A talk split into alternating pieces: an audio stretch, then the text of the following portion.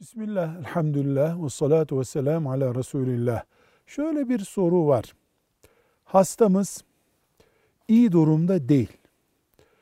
Doktor hastanızı artık gitmiş bilin türünden açıklamalar yaptı.